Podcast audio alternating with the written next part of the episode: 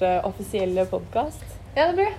Men du hadde gjort noe på skolen? Ja, vi gjorde noe på videregående. Da var det å diskutere forskjell mellom bokmål og nynorsk. Men det, det er min erfaring innenfor podcast. det var ikke så stor. Jeg håper det te temaet her blir litt mer eh, engasjerende, da. Jeg vil si at dette temaet er veldig mye bedre å snakke om. Ja, for du driver med hest på heltid, gjør du ikke? Ja, det gjør jeg nå. Jeg bare ferdig på videregående i fjor. Så jeg har jo tre år nå, da. Hvor jeg har kunnet fokusere på hest. Det har vært utrolig deilig å virkelig ha all tiden min til å kunne dra på stevner og være i stallen hele dagen hvis det trengs, og faktisk ikke måtte, måtte gjøre skolearbeid etterpå og passe få inn det, da. Hvordan var det du begynte å ri? Jeg begynte, altså jeg sier egentlig jeg alltid sitter på en hest hele livet mitt, fordi tanten min eh, alltid holdt på med hest. Så jeg pleide å dra til henne i helgene da, og ri, så jeg har jo sikkert sittet på hesten jeg var i hvert fall to år. Så fikk, klarte hun å overtale faren min eh, og foreldrene mine til å kjøpe en ponni til meg da jeg var seks år. Verdens beste tante, da. Yes, verdens beste tante, som har gjort jobben sin godt. Så da, da tror jeg hadde bare kjørt på videre. Kult. Og nå er vi jo på Østernbruk. Vi står, sitter jo inne i stallen, kjempekoselig, her foran på denne berømte sølvkassen som du Yes. pleier å pakke i. Så dere lyttere som eh, ikke har sett det på Instagram, kan jo bare se, se på det. Her har du jo tre hester. Nei, du har fire. Ja, jeg har fire totalt. Eh, akkurat her inne så står det tre. Det var tre bokser jeg hadde før jeg dro ned til eh, Nederland. Så kom jeg hjem med fire, så én står en uteboks ute da og venter på å få plass her inne. Mm. Ja, for du var jo i Nederland en lengre periode nå, for ikke så lenge siden. Ja, jeg var i Nederland i ca. fem måneder. Jeg Ja. fikk jo en plass der gjennom Younger Academy for å dra ned og trene for Henk Noren. Kult. Så ja, det var en helt fantastisk opplevelse. Utrolig deilig å være der nede liksom, hvor alt skjer i Europa. Og så i Nederland sånn, så to timer maks til eh, kjempestore internasjonale stevner. Og treningen og opplegget var jo bare virkelig bra. Så jeg er veldig fornøyd. Ja, hvordan eh, blir man kvalifisert til det? Eh, jeg fikk eh, jo egentlig Rittforbundet som spurte om jeg ville at de skulle sende inn en søknad da, med mitt navn til Young Academy. Det ble da for to år siden. Eh, og det sa jeg selvfølgelig ja til. Det var jo kjempegøy å bli spurt at de så på meg som en kandidat da, som de ville sende inn. Og så fikk jeg tilbake det, og så måtte du fylle ut et litt sånn skjema hvor du beskrev deg selv og hestene dine, hvorfor de skulle ta ut deg og sånne ting. Og så eh, etter en stund så fikk du svar tilbake at du fikk komme på et sånn uttaksstevne. Så da dro jeg ned til eh, Tyskland i Red Finn. Det var under springtur i fjor, tror jeg det var. Husker ikke det. Og da er det da en gruppe med gruppe folk som ser på når du rir. Det er visse sånn uttaksklasser. Så sitter de og bedømmer klassene. Og så er du også inne på intervju, hvor de spør deg masse spørsmål eh, om hvorfor du vil være der, hvordan du har hørt om akademiet, hva du tenker videre og sånne ting. da. Eh, og så får man, ja, så får man, fikk jeg den gode beskjeden eh, noen uker senere. Fantastisk. Det var helt fantastisk. det har vært supergøy. Det var veldig gøy. Jeg så den egentlig ikke helt komme, fordi eh, som sagt, jeg var jo bare 18, altså 19 i fjor. Og da var det, det var en kjempesterk gruppe som søkte i fjor, og på en måte to ganger så sa de til meg ja, det er så fint med dere, for dere, man kan jo søke flere ganger. For i år er jo så utrolig sterk gruppe, så jeg var litt sånn ja, ok, takk, takk. Ses neste år. Hint, hint, liksom. Ja, det var litt sånn hint, hint, så jeg var ok. Herlig. Men så fikk jeg beskjed da jeg kom inn, så jeg var, det var kjempegøy. Ja, det var kult. Virkelig. Hvordan var hverdagen der? Eh, Helt fantastisk. Altså, jeg bodde jo der nede, og så hadde jeg da fem hester der nede som jeg red. Og kunne bruke all tiden min på det, og fikk trening fra Henk og red med de andre på stallen og sånne ting. Så det var jo skikkelig profesjonelt opplegg. Det var kjempedeilig. Mm. Hva er det viktigste du har lært av den opplevelsen? Eh, altså Vanskelig å si én ting. Man har jo, jeg har både utviklet meg masse i ridningen, men også gjennom disse samlingene hos Jørning Academy så har jeg også utviklet meg personlig, på en måte, og vi har lært masse hvordan man skal danne kontakter, og man blir, blir mye mer sikker på meg selv da når jeg flyttet ut til Nederland alene sånn, så var man litt usikker i starten, men uh, blitt mye tryggere på meg selv sånn generelt. Mm. Det er hyggelig å høre. Ja, det er veldig gøy. Og nå er du tilbake her på Østern. Nå er jeg tilbake her på Østern. Jeg tror jeg har stått i over åtte år nå, så det er også veldig deilig å komme hjem igjen. Mm. Jeg savner jo selvfølgelig å være der nede, men det er deilig å komme hjem igjen og trene for tåene igjen, som jeg elsker å trene for, og sånne ting. Så fornøyd. Og du gjør det på heltid. Ja. Ja. Det, Det er jobben din. Det er jobben min. Ja. Hvordan ser en vanlig dag ut for deg? En vanlig dag. Eh, som sagt, siden det er dette er jobben min, så kan, kan jeg heldigvis variere litt. da, Om jeg tar stallen på ettermiddagen eller hvis det skjer noe på morgenen. Men som oftest er jeg relativt tidlig. For det er ganske deilig, da er det ikke så mange i stallen, så man, har man mye av banen for seg selv og sånne ting. Eh, så rir jeg alle hester og ja, gjør det som trengs sånne ting. Så har jeg som oftest ettermiddagen til å trene eller være med venner og litt sånne ting også, så det er veldig deilig. Mm. Ja, For det er litt viktig det òg, kanskje? Ja, det er viktig å kunne kombinere det, hvis ikke så blir det jo litt kjedelig og litt tungt, tenker jeg. Ja. Og litt sånn ensformig hvis man ikke kan kombinere med andre ting. Har det vært noen perioder hvor du har hatt lite motivasjon, eller du syns det har vært vanskelig å holde ut, eller hva skal jeg kalle det? Selvfølgelig, man opplever jo perioder hvor det er litt lite motiverende. Man føler på en måte ikke man kommer noen steder. og Spesielt når man gikk med skolen sånn under eksamensperioder og tentamenperioder, så var det jo ganske tøft å skulle holde et godt nivå begge steder.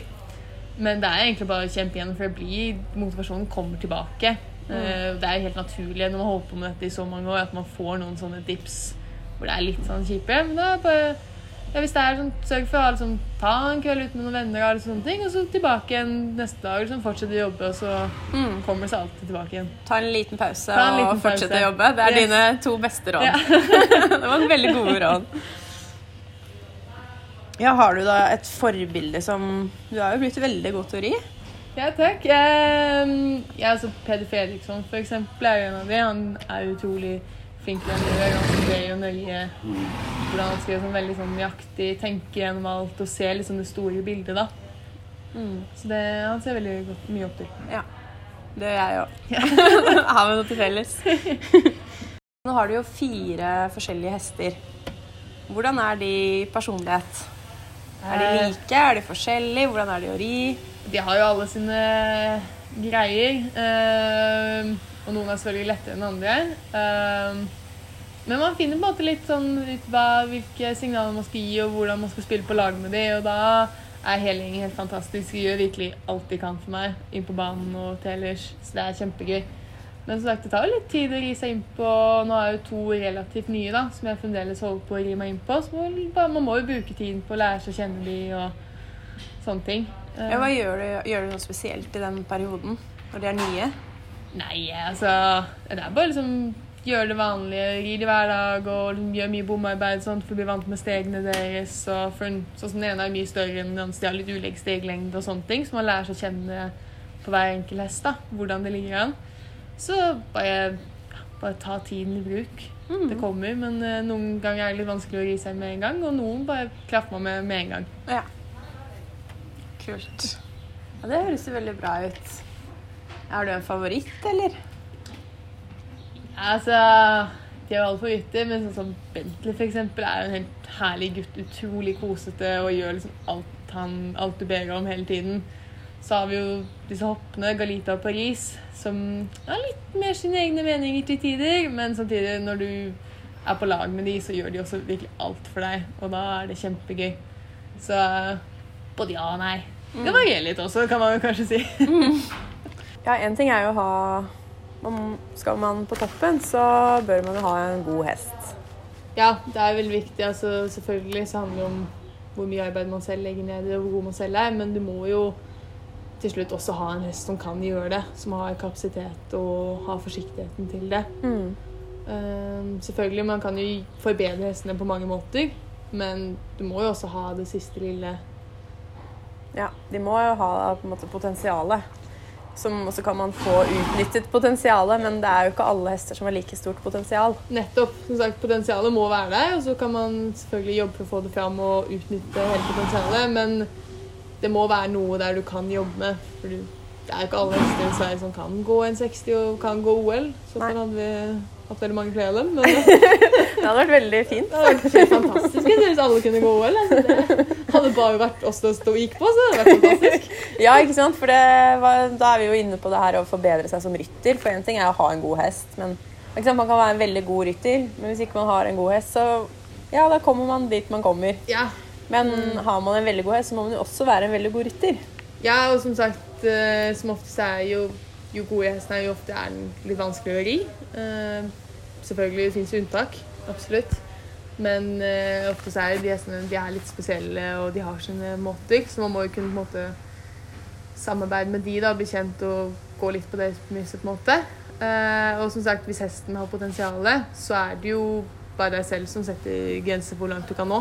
Mm. Hvor mye du klarer å eh, forbedre deg selv for å gjøre hesten, det, hesten og deg bedre. da. Nettopp. Så da er det jo bare opp til deg selv, egentlig. Ja, hvordan tenker du på de tingene der?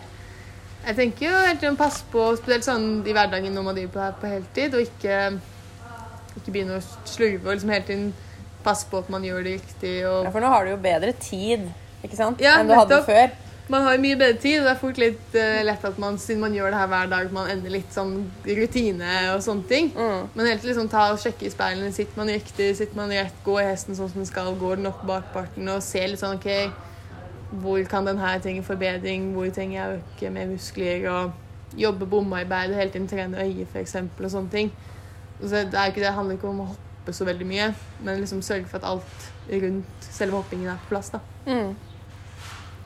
Har du noen rutiner for trening av deg selv, da? Eh, ja. Sånn i tillegg, for ridning er jo trening, men Ja, nei, jeg trener jo også ved siden av, for jeg tror det er ganske viktig å ha et godt grunnlag der. Eh, Jeg selv har også merket at når jeg ikke trener på lenge, så får jeg ofte litt oftere vondt i ryggen og sånne ting. Så jeg syns det er veldig viktig å trene styrke ved siden av. Så jeg trener tre til fire ganger i uken. Eh, Jeg er mer sånn styrketreningsperson enn jogger, men har lyst til å prøve å begynne med det også. ja. Eh, Nei, men jeg, synes det er, jeg tror det er veldig viktig at man har et eh, godt styrkegrunnlag ved siden av i ridningen. Mm. Har du et program som du følger, eller hva gjør du sånn av type styrketrening? Jeg har faktisk akkurat nå begynt med et uh, styrketreningsprogram. Uh, gjør mye altså For å styrke kår og kjernemuskulatur, da, f.eks. Det er viktig å ha stabilitet der, men jeg trener egentlig hele kroppen sånn generelt. Mm. Uh, det gjør jeg. Mye liksom utfall og sånne ting, og ettbensøvelser for å være stabil på begge sider og lik. Mm. Jeg er fysioterapeut, og jeg er veldig godkjenner programmet ditt. det er veldig bra. Høres veldig riktig ut, Lisa. Jeg må bare fortsette med det. det er bra. Har du funnet ut av dette selv, eller har du fått hjelp? Eller? Eh, Jeg har fått hjelp. Ja. Uh, det har jeg. Eh, ja, nei, jeg kan ikke nok om det selv, så jeg har uh, tett kontakt med en trener da, Mm. som da har laget et program til meg på tre måneder. Og så kan man komme med kommentarer hvordan det føles sånt, og så kan hun eventuelt gjøre justeringer hvis jeg føler jeg er litt ujevn der og sånne ting. da. Ja. Så det er veldig bra. Ja, for jeg tror alene så kan jeg fort også ende litt opp sånn samme spor og ikke utvikle meg og ikke presse meg, mens hun da sier liksom ok, nå skal vi ha så og så mye Progresjon og ja, Nå kan den øvelsen bli litt vanskeligere. For det er da du får fremgang. Det er nettopp det. det er Det, det blir som den ridningen som du sier, at Ja. når øvelsen begynner å bli litt, litt for, litt komfortabel, så er den egentlig for lett. Det er det. Og det, Det er skal ikke- være vondt. Det skal være vondt, og det er egentlig ikke så gøy å sitte og øke på de, øke på de vektene, men man må jo selvfølgelig gjøre det. Mm. Jeg hadde trening her i går var passe kvalm på et lite tidspunkt. Kjempefordel i ettertid, selvfølgelig, men Ja, eh, For det går fort over. Det går fort over, men akkurat der og da så er det ikke så veldig gøy noen ganger. Men uh, det er sånn man blir bedre. Det er jo det. Ikke, hvis det er for komfortabelt, så blir det liksom mosjon, og det hjelper egentlig ikke så mye, dessverre. Trim og trivsel. Trim og trivsel. Det er litt annet konsept enn toppidrett. Det er det. Men eh, det syns jeg var, det var veldig kult å høre, da, for det er jo vi også veldig opptatt av. At eh, fokus på hva rytteren kan gjøre for å på en måte, bli også en bedre rytter for seg selv. Men jeg tenker også en bedre rytter for hesten. Med tanke på å sitte med bevegelser, ikke sitte skeivt. Mm. Du Sitter du hesten skeiv? Ja, det gjør jo Alt forplanter seg videre. Og jeg tror også det er veldig viktig at man må få mer fokus på å trene ved siden av. Mm. Eh, for jeg føler det er mange som altså Det har blitt bedre, men det er mange som ikke gjør det. Og du kommer unna det til en viss grad, men du Mm. får Det går på et vis, det sant? går, men du får mye, jeg tror du får mye bedre effekt hvis du faktisk har et godt opplegg ved siden av og er jevnt over sterk og stabil. Og, Mm. Blir du stiv av å ri så mye, eller? Eh, Kanskje ikke litt. din kropp er sånn stiv kropp? Jo, litt. Den er litt sånn stiv kropp, men som sagt, jeg tror på en måte med Jeg gjør mobilitetsøvelser litt sånne ting også. Ja, du gjør det, ja. Perfekt. Vi, vi har et program, vi følger, vi følger programmet. Ja. Så, og da med styrketrening så går det ganske greit. Men du merker jo sånn når du har sittet hele dagen på fem hester, så blir du litt sånn stiv i ryggen, så knekker litt opp, og så går det fint. ja. Logger du det du gjør, da, sånn at du ser uh... Ja, jeg skriver inn Jeg har jo som sagt eh, et program gjennom med hun treneren. Så jeg skriver inn hva jeg gjør, hvordan det føles, og så sånn kommentarer på. Noen steder kan jeg velge hvor mange repetisjoner, og andre steder kan jeg velge vekta, f.eks. For, for å kunne ha, vise progresjon og sånne ting. da. Okay. Så vi eh, logger Men så har jeg akkurat begynt med det her programmet, da, så foreløpig så er det ganske nytt. Men etter hvert så vil det jo både endres og øke vekter og Mm. antall repetisjoner. Ikke sant. Veldig, veldig bra. Nei, dette var inspirerende. Nå ble jeg inspirert. det var veldig kult å høre. Det, hva med mental trening? Ja, det har jeg også gjort. Eh, jeg tror det er også veldig viktig, for det gir jo på en måte den siste, siste finishen, egentlig.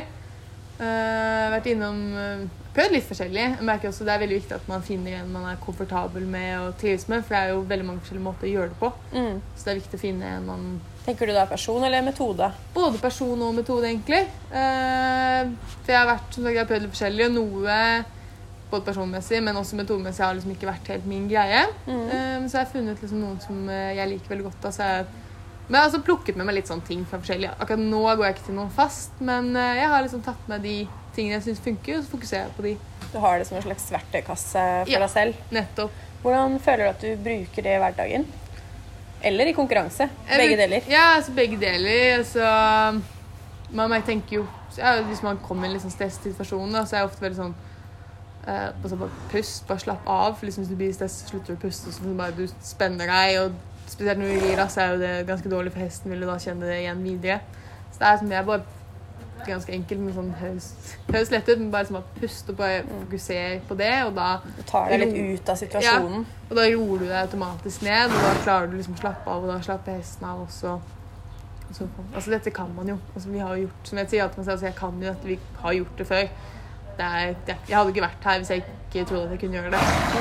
Så jeg bare Du å tar en positivt selvsnakk. Yes, Det er jo en teknikk. det er det. Uh, ja, for jeg, var en, jeg hadde en tendens til å liksom snakke meg ned da jeg var liten, men det, det er litt dårlig, det. Så Ja. positivt er som.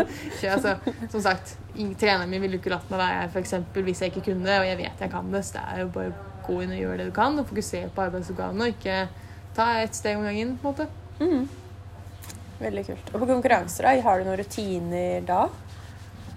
Nei, altså På en måte ja, men jeg føler ikke jeg har noe sånn spesifikt eh, som jeg må gjøre noe sånt. Men eh, jeg passer bare på at jeg liksom godt ut vil liksom ikke ikke være sulten og sånt når jeg rir, sånn, for det er det verste jeg vet. Og Mm. Sørge for liksom, å time ting riktig etter når klassen min er, da, så jeg er liksom godt best mulig forberedt. Mm. Så at jeg var sen, så prøver jeg alltid å liksom, time ting riktig. Verste jeg vet, er å være sen. Ja, ok.